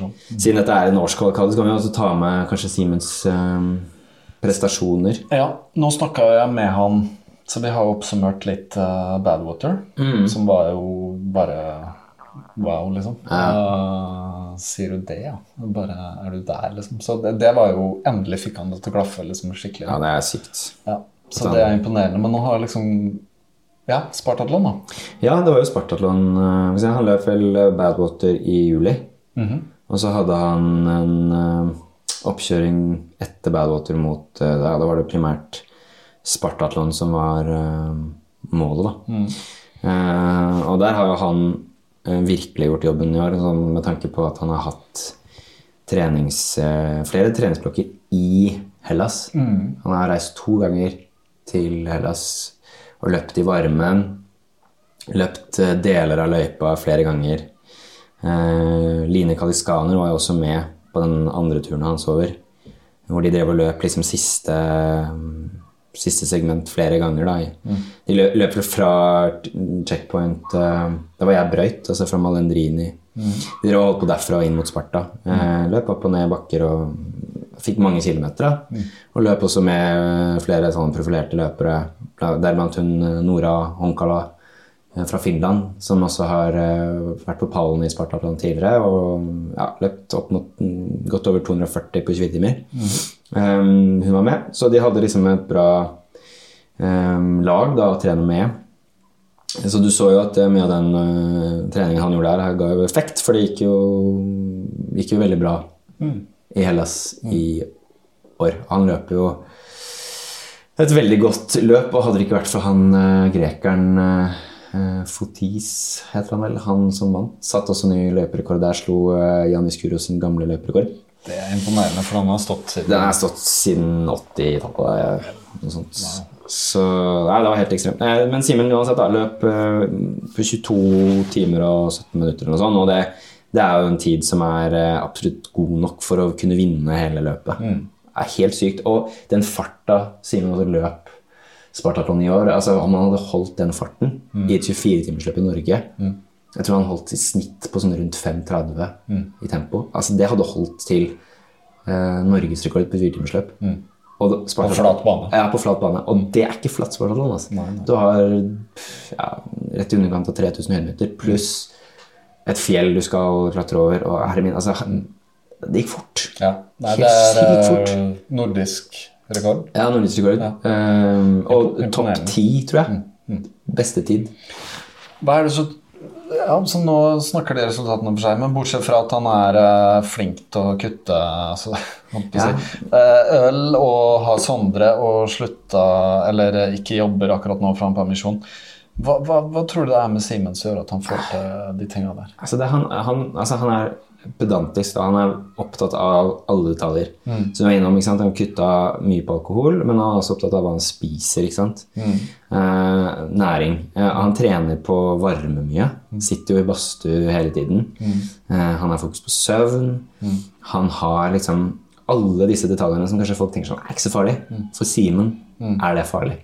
Han vrir på liksom hver stein og Mm. ser liksom på ok, hva kan jeg gjøre bedre her. Tune, liksom? På, Ja, alt sammen. Ja. Og så har han liksom det der med sant? Han har jo Sondre innspill fra han, da. Mm. Men samtidig så har altså Simen blitt såpass dyktig liksom i treningsarbeidet sitt at han, liksom, han veit hva som funker for seg. Mm. Og så får han liksom Sondres take på det, og så prater de litt fram og tilbake. Men så gjør Simen sin greie, da. Mm. Um, men så tror jeg også han sant, har blitt litt flinkere også på å lytte til de, altså de innspillene som kommer fra Sondre, i forhold til f.eks. sånn eh, løp før konkurranse. da. I fjor, når han løp Spartatlon, så skulle han jo på død og liv løpe Oslo-trippelen Ja. nei, ti dager før start. ja, ja. Han skulle ikke løpe rolig, han skulle bare gønne på. Han gønna på på maraton. på- Ja, han løp vel under tre timer. Og, jeg tror det. Så han tok jo Altså, jeg tror nok Simen til start i fjor Han var sikkert i god form da, men jeg tror han tok ut litt mye. Mm. I år så var han Altså, oppkjøringen var perfekt, da. Mm. Bortsett fra at han drev og så surra litt med noen sardiner og sånn. Han skulle tømme kjøleskapet før start eh, i den leiligheten han bodde i. Ja. Så da Kanskje ikke trengt å spise. Nei, Nei. han ikke det. Så han hadde jo diaré nesten hele veien fra Aten til, til Sparta. Altså, det var seks timer ut, så var det diaré. Så skoene hans var jo brune når han kom i mål. Men altså, er han god til å bare drite i det, da? Nei, han bare kjører på bare dreit greit, liksom. Det Ja. bare, og det sier jo litt om liksom, mindset, da, for at du kan bare gå inn i en sånn derre Mm. kontekst hvor liksom Nå ikke bry Altså, det er ingen regler som gjelder liksom Nei. i den virkelige verden lenger. Du, du er der for å komme fram fortest mulig. Og det er handler om livet, nesten. Ja, for han ser det. Altså, han bare liksom, han utrolig så, Selv om han Han, han kasta også opp, da. Han kaster opp, og han har diaré. Men han bare liksom Samme det. Han bare sånn Ja, det er ny Det er sånn Et nytt uh, uh, Det er en nytt oppstykke da, som jeg bare må løse. Så eh, samme det. Spyr, spør om dopapir da, på en checkpoint. Ja. Uh, spyr. Greit. Da må jeg ta, få i meg flere gel. Så tar kroppen til seg mer karbohydrater, og så kan jeg holde det gående. Og han gjorde det, da. Det er sånn mannen i maskinen, holdt jeg på å si. Kroppen er maskinen. eh, men det er jo styrt av en veldig sånn Ja, hva skal jeg si? Personligheten hans er jo spesiell. Ja. Ikke sånn spesiell og at den er liksom så rar eller annerledes. sånn. Det er bare at han er veldig god til å kanalisere energi og Og så har han, det merker jeg når jeg snakker med Simen nå, han har jo på en måte sånn han har et litt sånn åndelig aspekt med alt han tenker og gjør og sånn. Han har en sånn dimensjon som jeg er veldig opptatt av i mitt liv, og som jeg tror man trenger, da. Selv inn i sånne ting. Eh, kanskje når du holder på på det nivået der. Det er et eller annet sånn ja, jeg, kanskje, Jeg har hørt mye intervju med ultraløp, ultraløpere og på forskjellige podkaster og sånn. Det virker som alle har liksom en sånn Jeg vet ikke. Det er noe der som de trekker inn som på en måte er sånn over det fysiske, hvis du skjønner. Jeg kan kalle det metafysisk eller åndelige, men folk skjønner hva jeg mener. Det kan være en, en psykisk energi også, liksom, som er sånn og det, er, eh, og det har vært en av de tingene som jeg har vært opptatt av i podkasten, og opptatt av generelt, og er fortsatt opptatt av. Det, det er liksom ja. interessant, for at det er sånne ting som man ikke kan peke på på, de, på den måten som man kan peke på Ja, man tyner på liksom saltnivå og sånn. Mm. Men han er sånn god på begge deler, da. Han er god på alt, føler jeg. Altså, bortsett fra, altså, nå har han jo den derre sardinblemmen har han jo Han gjorde noe lignende før Badwater, da. Ja. Så han er, men nå har han lært seg noe der, tror jeg. men det, det som er kult, er som Jan Post sa også, så, øh, vi har fått en norsk ultraløper da, som er i verdensklasse nå. Mm, altså, tidligere så har vi hatt gode løpere. Therese Falk var jo verdensklasse i, på, på kvinnesiden. Um, løpt eh, sabla langt på 24-timersløp. Nest lengst, liksom. Um, ja, men nå har vi Simen også, som er eh, helt oppe blant verdenseliten. Altså, han slår løper f.eks. på Badwater. da. Ja. En japaner blant annet, som har løpt eh, opp mot 280 på 24 timer. Ja. Eh, Så han er på det nivået. ja, han slår Camille Heron også på Spartatlon, som kom på plassen bak. Så Camille har jo løpt over 270. Ja, hun er verdensklasse. Så det blir spennende å se. Simen skal jo til um, Rona og løpe 20-timersløp, tror jeg det var, i mars. Ja. 9. mars. Ja. Og han går jo for norgesrekord der. Ja. Og sikkert nordisk rekord mm. også. Så, og det tror jeg helt klart han er kapabel til å løpe. Jeg mener at Simen ja, ja, han er god for Jeg anslår han til å løpe, kunne løpe over 280. Altså. Ja. Ja. Ja. Nei, og det er liksom, ja, det er potensial, men du, du sier jo det selv. I 24-timersløp så er det en del X-faktorer som liksom ikke kanskje har helt kontroll på. da. Mm, men han har liksom Han har kontroll på de greiene. Ja, merkelig nok, altså. Han har det. Han er liksom, det er noe eget med han. Ja, det er noe eget med han. Men det var det du sa med der enda han sier sånn ja, det er en obstacle og må forbi og sånn. Jeg kan, kan bare ta det. Jeg kjøpte en bok, det nevnte jeg for deg. Jeg kjøpte en bok som jeg ville gi deg. Mm. Uh, og så lette jeg, lette, Før jeg gikk ut i morgen, så lette jeg etter den hjemme. Men jeg har hatt, de har liksom flytta og bygd noen nye rom og sånn. Flytta ut ting, Så jeg fant den ikke. Men den boka jeg bestilte til deg, så jeg tenkte jeg hadde godt at det er den Ryan Holiday sin eh, The Obstacle Is The Way, heter den. Okay. Har du bestilt den til meg? Jeg kjøpte den til deg. Har, jeg har en fysisk kopi av den, så jeg vil gi den til deg. eh, Å, som, har du den med eh, her? Jeg har den ikke med, skjønner du, for at jeg ah. i bokhylla hjemme. Du skjønner at jeg har uh, flytta på en del ting, og så bygde vi nytt rom til jentene. Så jeg har måttet rydde noe uhorvelig, så jeg har putta veldig mye bøker i kasser. Uh, Ja. Står oppe i boden. Så jeg finner den. Men den er veldig god. The Obstacle Is The Way, for han er sånn Han er jo stoiker, da. Eh, moderne stoiker. Ryan Holiday, jeg vet ikke om du hørte om ham? Mm. Han er ganske kjent. Han har han skrevet mange bøker. Han skriver bøker som selger veldig godt. Men Han er sånn enkel i i filosofien, men det er liksom Det er veldig sånn det er veldig inspirerende å lese. da. Og der han drar inn veldig mye sånn historiske personer som har på en måte fått ufattelig mye ting ved å gå liksom gjennom Mm. eller rundt, eller skjønner du liksom hvor liksom den uh, Vi bruker ordet obstacle, hva heter det egentlig på norsk? Altså hinderet Ja, ja. er liksom veien, da. Uten Ja, hinderet så ville ikke fått et resultat og sånn. Og det gjelder jo for mange ting i livet. Det er liksom hindrene som definerer oss noen ganger. Ja, det er det. Eh, så den vil jeg gi til deg. Åh, så kult. For Jeg jeg, for jeg å lese. leser jo jeg leser jo, jeg liker å lese ting, og de har jeg lest for noen år siden. Jeg har det på Kindle. Ja, Så ja. det blir en liten julegave, altså. Ja, så jeg skal prøve å finne den. Men uh, akkurat nå er det litt sånn I tillegg til at jeg har rydda og styrt på, så, så holder de på med noe sånn Isolere nede i kjelleren, så jeg måtte tømme boden. Nei, Det er sånn Oi. Du vet sånne ting som man holder på med hjemme, som er bare slitsomt. livet, liksom. Ja. Livet. Um, så ja, uh, det, da har vi på en måte oppsummert litt Simen. Uh, Ja, har vi ikke det? det har vi. Det har vi. Og så har vi også jeg, jeg synes, Vi har jo vært, Siden dette er en sånn årskavalkade, og vi pleier å name-droppe litt, så kan vi også ta med kanskje noen andre i år som har på en måte Det kan vi. utmerket seg. Eh, Vi var jo innom Stig og sånn, så han har på en måte fått, uh, fått eh, famen han fortjener. Han eh, har imponert. ja, det har han. Men eh, på kvinnesiden eh, så er det jo i hvert fall én løper som jeg har blitt veldig imponert over i år. Eller flere, egentlig. da. Det er mange gode på kvinnesiden nå. Eh, men det er kanskje to spesielt som for, for min del skiller seg litt ut. Og det er jo Line Kaliskaner. Eh, gjorde knalløp i Barcelona i februar og løp over 240 km på 20 timer. Tredd best i Norge noensinne. Hun er vel bare noen hundre meter bak eh, Ranveig Hansen eh, sin eh, nest beste distanse. Eh, på 243 et eller annet. Så et fantastisk løp av Line der. Hun hadde også med seg Sondre ned eh, til Barcelona. Um, så Line Hun hadde han med, ja. ja. Så Line har altså, Med tanke på at Line for bare noen år siden eh, Hun løp vel 140-150 på 24 timer. Og den der, eh, det spranget hun har tatt altså bare på et eh, ja, snaue to år, er helt ekstremt. Mm. og hun er jo 50, så det beviser jo bare at liksom, det går an. Ja. Hun er på landslaget. altså Det er fantastisk det Line har prestert. Eh, eneste som har vært litt tøft nå siste, har vært dette med at hun hadde noen utfordringer under både Spartatlon og, og VM, da, Mm. eh, som gjorde at hun rett og slett altså Spartaton brøt hun jo ikke, hun sto jo i det. Gjennomførte selv, altså hun hadde muligens lungebetennelse. Uh, uten at jeg skal på en måte gå inn og være lege og si noe her. Men hun sleit litt med lungene der. Uh, og hun fikk også noen av de problemene også under, under VM, da. Eh, som ødela løpet. Hun starta også veldig bra eh, på VM. Eh, lø, gikk ut i front, lå på fjerdeplass etter syv-åtte timer. Mm. løp lå jo i, lenge i tett sammen med Camille Heron og sånn.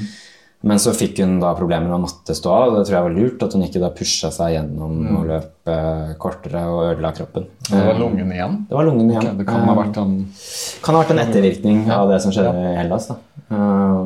Men uansett så er jeg ganske sikker på så Line er litt på en måte, Jeg vil kalle henne for den kvinnelige utgaven av Simen Holvik. Eh, også veldig sånn nøye på det hun gjør, er flink eh, med å være eh, Har mye gode rutiner på trening. Legger seg tidlig, får nok søvn. Eh, lever som en uh, toppidrettsutøver. Så jeg er helt sikker på at Line, når hun får justert seg litt, finner finner ut av hva som er gærent. Eh, Mest sannsynlig så er det vel bare en liten sånn ettereffekt av uh, sportatlon. Uh, så er jeg sikker på at hun uh, kan løpe ja, opp mot mellom 260 og 270 på 24 timer, kanskje lenger også. Hun er sinnssykt god. Så utrolig gøy at vi har fått en så god løper som Line i, i Norge. Um, ellers så må jeg også nevne Vi var innom he- henne på Vi snakket om Kaptara 12-timers. Um, Ingrid Lid. Ingrid Linde. Ja, løp satt ny norsk rekord på 100 miles, som for øvrig ble slått av Line Kadiskaner like etterpå. Eh, Ingrid satte også ny bestenotering på 12 timers, og uh, var det vel også Det var 100 miles, 12 timers og Var det 100 km? Ja, noe sånt. Noe sånt. Og det var i tidligere år på en bane i England. Stemmer. Men så kom vi jo til Bislett 24, og, og eh, Line eh, hadde jo da tatt tilbake den eh, Rekorden. norske rekorden på 100 miles. Ja. Så eh, Ingrid da, hun gikk jo ut i et sånn forrykende tempo Ja. Eh, på Bislett. Ja. Og mange trodde jo at hun skulle løpe ja, godt opp mot kanskje det Therese Falk eh, presterte på Bislett i 2021, hvor hun løp eh, 260 andre. 262. Mhm. mm. Hun hadde i hvert fall farta til det. Um, så ja, eh, hun kjørte på. Hun satt jo faktisk ny norsk rekord, slo Line sin tid. Nå fant jeg henne på Instagram. der. Ja, Hun løp 100 miles på 13,46. Ja. Og var egentlig ikke så veldig langt unna Bjørn Tore sin rekord heller. Nei. Vi snakka om det en periode. Ja, ja. Eh, og løp over 140 km på 12 timer. 142,5 km. Wow. Og så var det 50 miles. Hun hadde norsk rekord på, hun satte også en ny norsk rekord der. På 6,20. 47. Så Ingrid er bare altså Hun er ung, presterer på et nivå som er helt sykt. Ja. Jeg tenker at eh, hun eh, om noen år, da, når hun får enda mer sånn rutine på dette med 24-timersløp og sånn, Mm.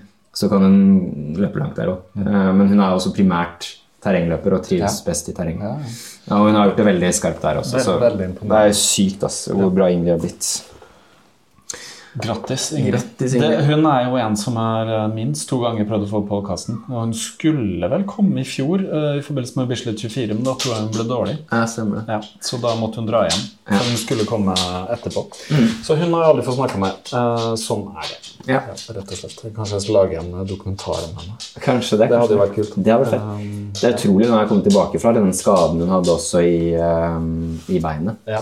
Så ja, hun hadde en skikkelig sånn brudd. Ja, brakk jo Lår, lår, Lårhalsen, ja, ja, fem, femurfraktur eller noe sånt. Så hun uh, tøff, tøff jente. Også, Veldig tøff. Sånn avslutningsvis tenker jeg på, sånn, på damesiden. Nå er det masse gode prestasjoner rundt omkring i terrengløp. Sånn. Jeg har ikke oversikt på terrengløping. Jeg er litt for dårlig der. Så jeg tar egentlig bare Vi, vi satser på at uh, Nå har jeg ikke fulgt med på Hans Christian, og nå er det alvor, men han pleier å ta Han en uh, kan han, det. han kan det der. Så får vi bli på bane og asfalt. Ja, det er vel uh, det er han som har best oversikt. uh, Ja, Så hvis dere vil vite hva som har vært å nevne av eh, gode prestasjoner i terrengløp, så hør på Nå er det alvor. ja. Det Det, det kommer nok igjen uh, nå. Jeg har, ikke, som sagt, jeg har, ikke, jeg har ikke fulgt Jeg ser jo han litt på Instagram, og han, Ja. han er jo i holdt på å si, i Åndalsnes, eller et eller annet sted. Han er- Han er der oppe i fjellene. Så, Oppe og nikker. Og det virker kult. Ja. Nei, men kult. Også, Ja. Men bare ta med altså, to andre damer på 24-timerssida Mm. som har gjort det veldig bra. Og det er jo Anette Welde Sande, eh, som løp eh, inn til NM-gull Eh, deltok også under VM. Eh, løp også godt over ja, var vel rett under 240 km i, i VM og ble nummer 12. Eh, sterkt resultat. Også må vi ta med Ida Slorafoss, som løp inn til en andreplass eh, under NM som nevnt. Hun løp også VM og satt ny personlig bestenotering med 230 km. Så det er imponerende ass, av disse, disse damene. Kommer det, bare for kontekst, kommer det en telefon? Skal det noen komme og levere noe? Ja, her nå kommer det faktisk eh, inn Ta den, så tar vi en pause. Ja. Hei, hei. Hallo da, Magnus. Da har vi fått en uh, vareleveranse. Uh, sånn er det. Geriljastang. Vi er tilbake. Ida Slorefoss er nevnt. Ida Slorefoss er nevnt. Én mann til må nevnes. Uh, Ja, ja. helt klart. Og det er faktisk han som har løpt lengst på 24 timer i Norge i år. Og det er jo Jo Inge Norum. Som er, han var jo skada mye i fjor. Men han vant jo faktisk veteran-VM ja. i eh, eh, Taiwan. Eh, så det må nevnes. Han løp 252,2 km. Og, og løp lengst av alle de nordiske løperne. Så imponert av Jo Ingas. Og han er sånn løper som jeg tenker kan, når han er litt tilbake Han er jo i form nå, men blir enda bedre. Kan han også være opp mot 270, kanskje? 280, hvem vet. Så det er kult at vi også har sterke løpere. Hvilken uh, aldersklasse er han i? Um, 40-45, eller noe sånt? mm, ja, det er noe sånn. Ja, han er er- 40 pluss. Ja, han er 40 pluss. Ja. Midten av 40-årene. Kult han er tilbake etter skade, og håper han uh, har mange gode år foran seg. Ja, det håper jeg også. Um, så, er det, så er det bra at vi har, har uh, noen på herresiden også som kan ja, Som vi snakket om, har snakket om før, at noen kan være med å pushe litt um, på de andre løperne, sånn som Bjørn Tore og, og Simen også. da. At det, det er noen som er med å utfordre litt. Og så, Det er jo, det hører kanskje ikke hjemme her, men det er jo, det er jo kan nevne også at vi har uh, Jakob Ingebrigtsen, som er uh, verdens beste 1500-meterløper og 5000-meterløper, selv om han ikke vant VM, eh, dessverre. Nei. Um, På 1500 så vant han jo 5000. Det er jo imponerende. Ja, veldig, veldig, Uh, jeg har fulgt med på Jeg syns det er kjempegøy å se på 1500 meter. Og 5000 for så vidt. Men 1500 meter så er det sånn når han løper Det er sånn at jeg får sånn så jeg får så mye adrenalin i kroppen av å se på det. At det er, helt, det, det, er, så, det er utrolig spennende. Mm. For et eh, Akkurat den distansen på de tre og et halvt minuttene mm. det er så spennende. Jeg kan nesten ikke få sagt det, men jeg er blitt virkelig hekta på På det. ja, Du får på, på, det- på grunn av han. Også, for at ellers så tror jeg ikke jeg hadde fulgt med. Hvis ikke det hadde vært en nordmann, så hadde vært liksom, så utrolig god. Du får ikke det samme kicket av å se på Bislett 24 på Oslo-avisa. Jeg får det, altså. Så Vet du hva? Jeg logga meg når det er jeg logga meg inn på Jeg betalte den krona og greier og gikk inn på Avisa Oslo. Skulle liksom se slutten, da. Ja. Men unnskyld meg, Avisa Oslo. Kan dere ikke sende noen som har litt peiling, da? ja. Eh, de hører sikkert ikke på, men det er kanskje noen andre som så på. Men det var liksom Ja, det, det var på en måte lagd for noen som ikke hadde peiling. Men jeg vet ikke om de gidder å se på Bislett 24. Nei. Og jeg så at ja, hun intervjua litt sånn tilfeldig hvem som var der, og så gikk hun for å finne vinneren. Så gikk hun forbi deg. Så jeg, Ja. og så, Stopp hos Magnus, da! ropte jeg ropte det ut i leiligheten. Ja. Nei, da bare gikk hun forbi, da. Heldigvis så fikk jeg sånn- kondis, da. ja, Kondis ok, kommer bort. Men, men spørsmåla hun stilte og sånn, var Ja, sånn det var, det, var i jeg, jeg følte at det ble litt sånn derre Ja. Litt sånn sånn derre um, At det blir sånn useriøs take på det. Sånn her, Ja, og her ser vi løperne ligge og det sove. nå har jeg en eh, knurrende hund rett ved siden av. Ja. Vil du noe? Ja. Kan du gå og legge deg der borte? ja, det er alfa som er med Ja. i, i monitor. Alfa- Alfahannen, rett og slett. Ja. Men eh, det er best at han ligger der borte. Men eh, jeg vet ikke om han hører på meg. da. Nei. Nei da, men ok. eh, det var eh, årets kritikk, altså. Eh, Jeg er enig. Jeg syns også det ble litt sånn Ja. eh, for dårlig. Altså, ja, nei, jeg bare tenker i forhold liksom, Hadde du hatt en Jan Post der, eller noen som virkelig kan ting, så hadde det bare Mm. utrolig bra. Og det er liksom ta det litt alvorlig. da. Det er sånn «Ah, Hva gjør disse rare menneskene som Ja. løper rundt på 24 timer? Og er ikke det veldig rart? Ja. Og hvordan Er føler du nå? Hva skal sunt? du etterpå? Sånn er jeg bare sånn eh, Ok, liksom. Er det sunt å løpe Ja, og så lenge? er det sunt, det her, da? Det kan jo ikke være bra for deg, det her. Troen Det er de spørsmålene man ikke vil liksom høre Nei, ok. Men greit. Uh, Det er kult at de gjør. Vi det. starter da Vi starter rett og slett en sånn Bislett-vis når vi blir gamle nok. holdt jeg på å si, Ja, det kan vi gjøre. eller noe sånt. Uh, ok, men er det noe mer nå? Ja. Ja, det er jo det. Det er det. Ok, Så har podkasten uh, måttet lide for mine andre prosjekter. Eh, jeg har jo litt sånn håp om at jeg skal kunne komme tilbake med jevnlige episoder, men jeg har jo sagt på en måte at jeg vil jo ekspandere podkasten til å ikke behandle handle om løping. Men eh, du har planer. Ja, jeg har Fortell planer. Om planer. Nei, altså fordi jeg og veldig mange andre syns jo det er veldig synd da, at uh, Kaptare blir satt på pause, blir satt litt på vent. Uh, og jeg, jeg merka det under når jeg sto på Expon på Oslo Maraton, Except Nordic Stand, så var det veldig mange som kom bort og lurte litt på podkasten og, og hva som kom til å skje med den. Så jeg tror liksom behovet for en sånn type podkast som Kaptare, den er liksom absolutt til stede. Du har jo kule podder som uh, Nå er det alvor og lavterskel, uh, den derre runstreak-poden og sånn. Men det mangler liksom noe som Kaptare, føler jeg. Og nå skal ikke jeg prøve liksom å hoppe etter deg eh, og lage liksom Kaptare type 2. eh, For det er jo helt umulig. Kaptoru. Kaptoru. Ja. Kaptoru-podkast. Ja, Det, det fant jeg på nå. ja, Kaptoru. Kanskje vi skal kalle den Kaptoru-podkast. Ja. Ja, jeg prøver ikke å lage noe som skal være Kaptare, men jeg ønsker liksom å ta med meg litt av den der feelingen da, som du har klart å skape. Jeg er ikke sikkert jeg klarer det, uh, men jeg har lyst til å prøve.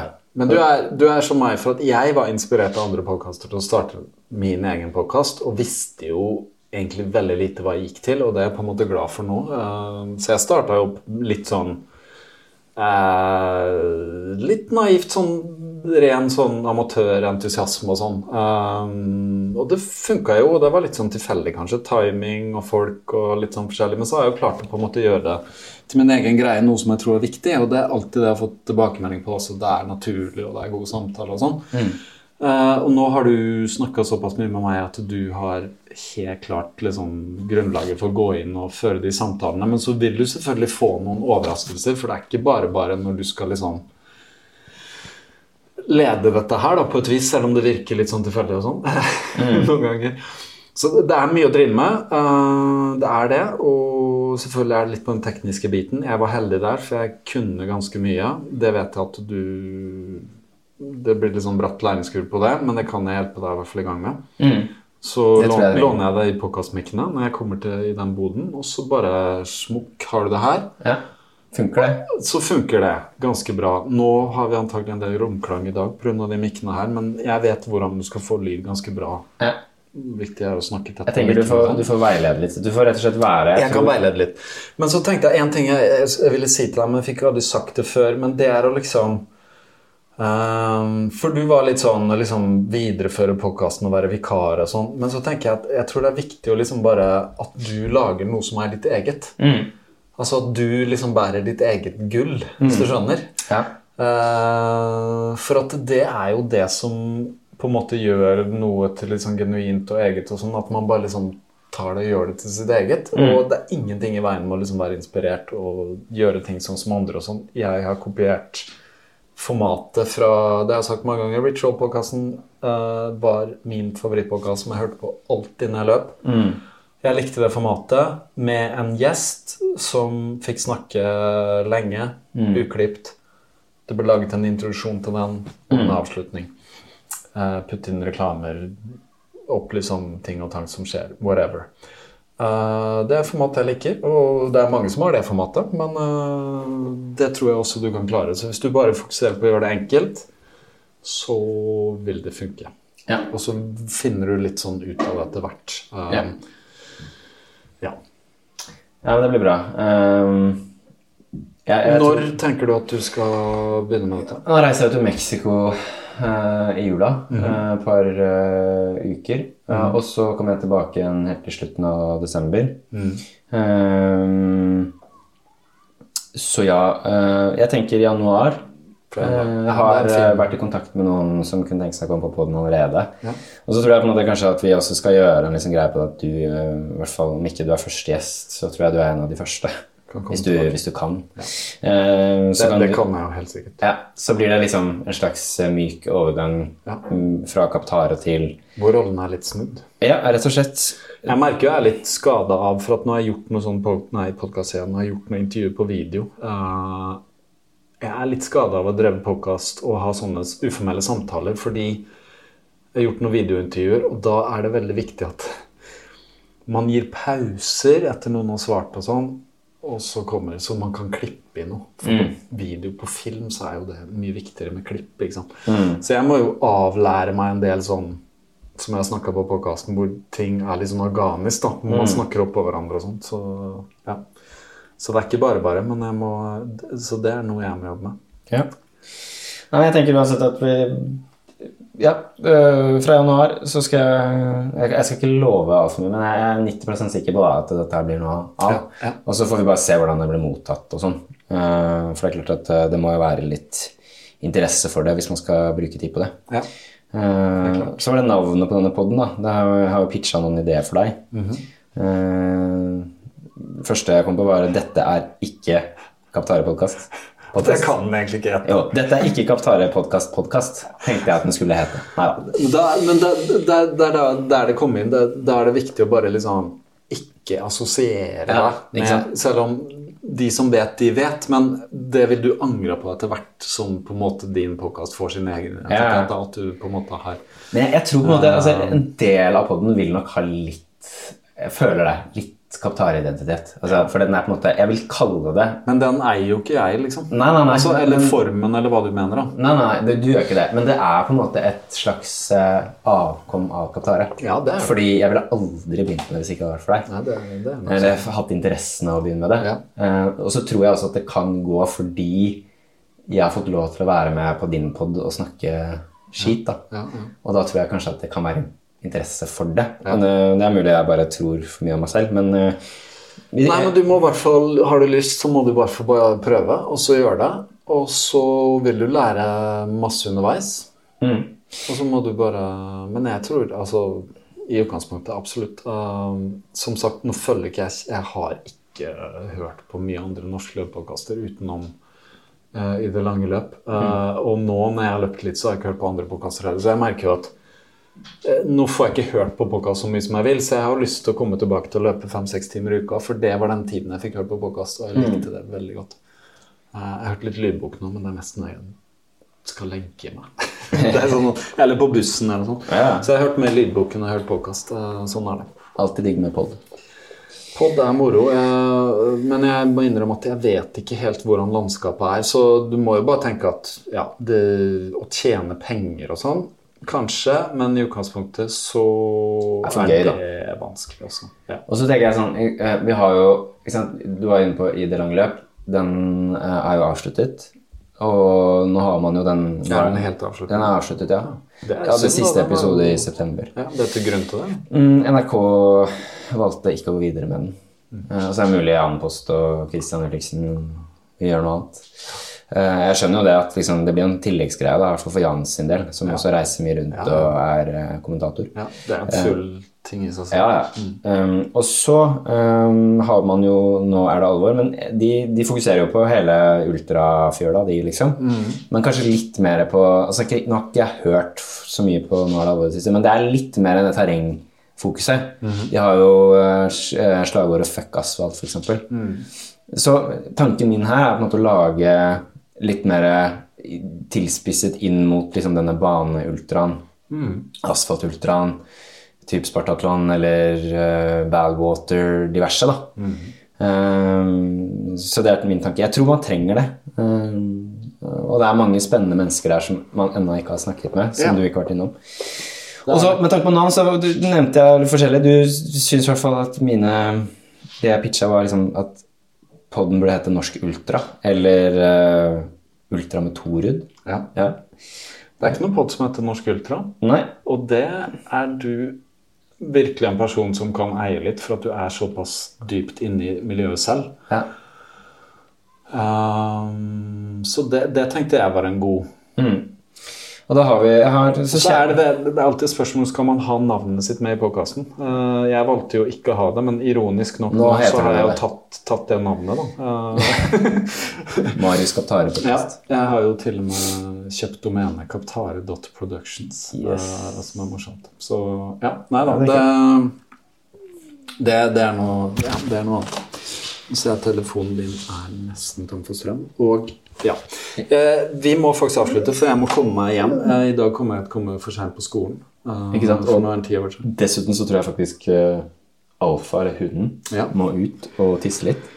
Det må jeg. Jeg ville avslutte. Jeg, jeg, jeg har vært veldig opptatt av tid. Uh, jeg har vært veldig opptatt av selvutvikling. Det vet dere. Uh, jeg er det ennå. Jeg jobber veldig mye med meg selv. Jeg har kommet et utrolig mye bedre sted. eh, I løpet av de siste årene. Jeg vil si at midtlivskrisa for meg var rett og slett bare å bli kvitt sitt gamle slangeskinn. Altså.